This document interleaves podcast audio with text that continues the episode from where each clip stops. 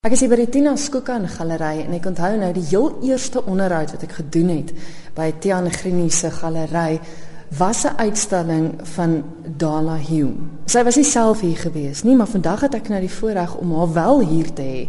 Die keer het jy Henriette van der Walt wat saam met jou is wat ook deel is van die hele ding. Dis gebruiksartikels. Soos ons nou hier sit. Hier is vrugtebakke, hier is kapstokke, hier is 'n eetkamertafel, 'n koffietafel, leeslampe. Maar dit is so anders. dit is van 'n goeters uit die veld en goeters wat wat jy sommer net bymekaar sit. Ja, ek dink dis juist die idee van alles is om, jy weet, um goed te gebruik wat reeds gebruik was. Um en dan iets anders daarvan te maak asof dit so hoort te wees. So ek dink die um die challenge is altyd om iets wat glad nie, iets wat glad nie bymekaar hoort in iets te omskep wat mense sê. Dis mooi, maar hulle besef nie, jy weet, daar's 5 of 20 dele daarvan en omdat dit 'n een eenheid vorm. So ek dink dit is hoekom dit ehm um, so verskillend is, is omdat elke deel is baie spesifiek gekies om in die deel te gaan. En as jy met 'n klomp goeie ontwerpte deeltjies sit, kan jy nie eintlik anders as om 'n beautiful baie mooi stuk te kry nie, maar volgens ons natuurlik. Nou hoe ver dit moet julle eers 'n klomp goeders hê en uit die klomp goed uitdink julle, mm, dit en dit en dit pas by mekaar of ehm um, ja en nee. Ek en Henriette is gereeld op scrapyard. Dit is lekkerste vir ons.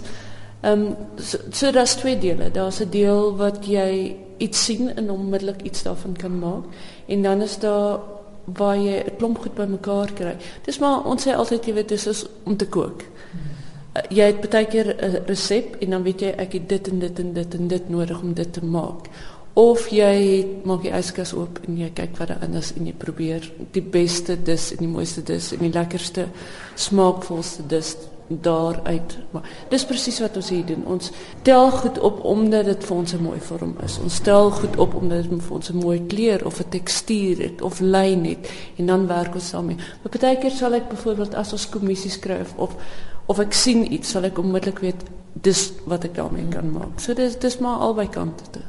Henry, het dit al ooit gebeur dat jy iets aan mekaar sit en dan werk dit net nie en dan moet hulle dit uit uit mekaar uitbreek of wat dit gebeur maar die gedeelte van die vorige vraag wat wat interessant en baie lekker ook is is dat jy soms sien hom is is 'n stuk nou al lê hy ook nou al daar vir baie lank. Ja. En niks gebeur met hom jy loop verby hom 10 keer ek seker daar dat met oor die jare honderde kere by hom verbygeloop.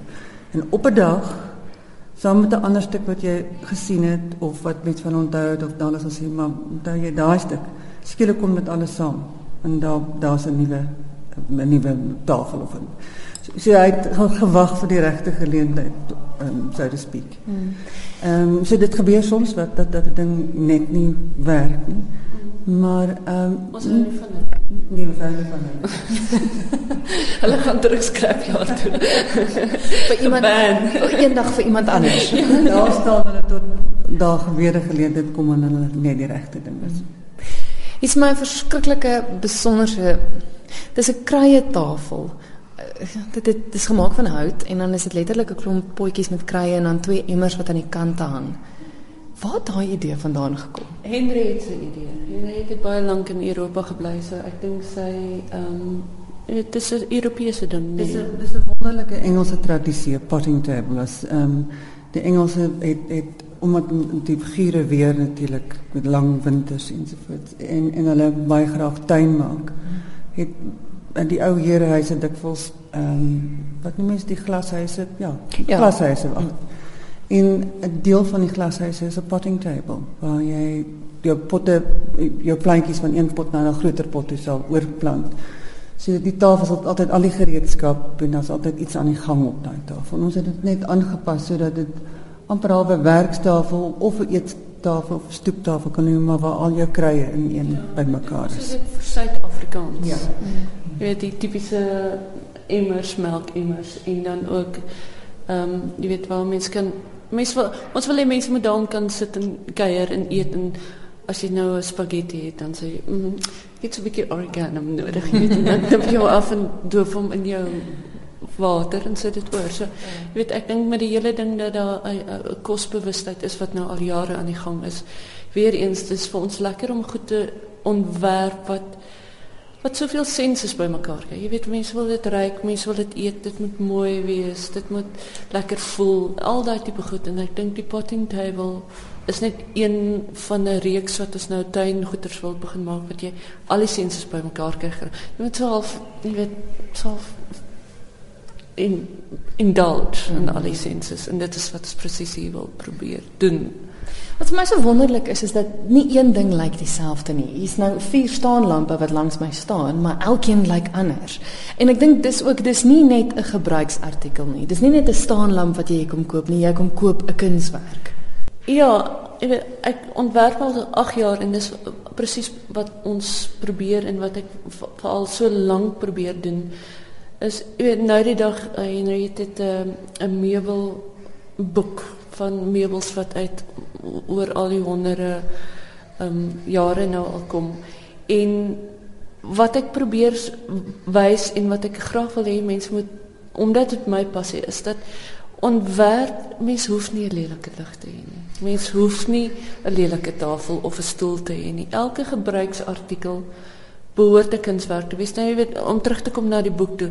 Jy kyk nou goed en jy ken nou al die ontwerp, ag al die beeldhouers en die skildenaars van al die eeue en dan kyk jy na hierdie meubels en jy sien maar jy ken nie een van hierdie persone nie en dit is dis masterpieces. Jy weet dit is ongelooflike detail, craftsmanship, kreatiwiteit. En jy weet ons is natuurlik nie daar nie want dit was heeltemal 'n ander tyd. Maar wat ons probeer doen is om hierdie byvoorbeeld noem ons 'n um, unieke reeks dan so jy kan soortgelyk kry maar dit sal nooit dieselfde wees nie omdat die, en die rede is daarvoor ons wil reeks hê wat dit meer bekostigbaar maak want die goed wat onder my naam gaan gaan heel wat duurder wees omdat dit een produk is. En die rede daarvoor is daai een produk spandeer ek my tyd aan. Ehm um, en net ek want daar's baie detail waar ons bly is daar ongelukkig 'n groot tekort aan ehm um, werks wat wat sou mense dit noem craftsmanship. Ja. Ehm um, en die gevolg daarvan is jy kan net soveel doen as jy dit nie self doen nie. Mm. En wat ons hierby wil doen um, ons wil recycle, ons wil werk verskaffing doen en met hierdie reeks maak ons dit meer bekostigbaar, maar ons kan ook meer werk verskaf daardeur want dit is iets wat herhaal kan word maar wat tog nie dieselfde is nie. So daar's 'n verskeie redes hoekom ons dit begin doen het en ons is baie opgewonde daaroor. En in redes spesifiek al jy dan by betrokke is. Ja, maar dis DNH. Hmm die H&H studio. Wel ek kan regtig die luisteraars aanbeveel om te kan kyk want dis die mooiste boekrakke. Is regtig Wel ek sit nou op een van die kunswerke en ek dink dis die eerste keer wat ek met 'n kunspunt op 'n kunswerk wat sê. Ek moet sê ek is baie beïndruk dat die kunswerk my hou, hoor. Stewig.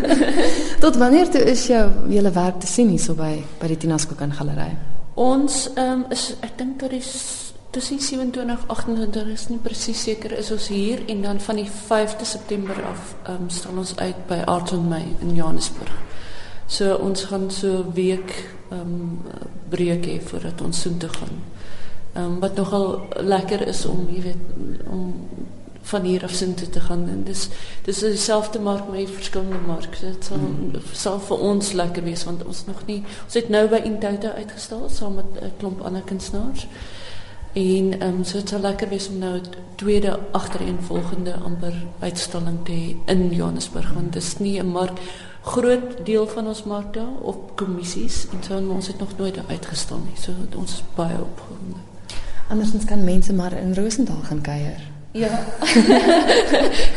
Rosendal en ons en Michelle en Rosa die restaurant daar fantastiese kos selfs Clarence mense en Johannesburg mense ry. Henriette se seun se chef daar is fenomenaal.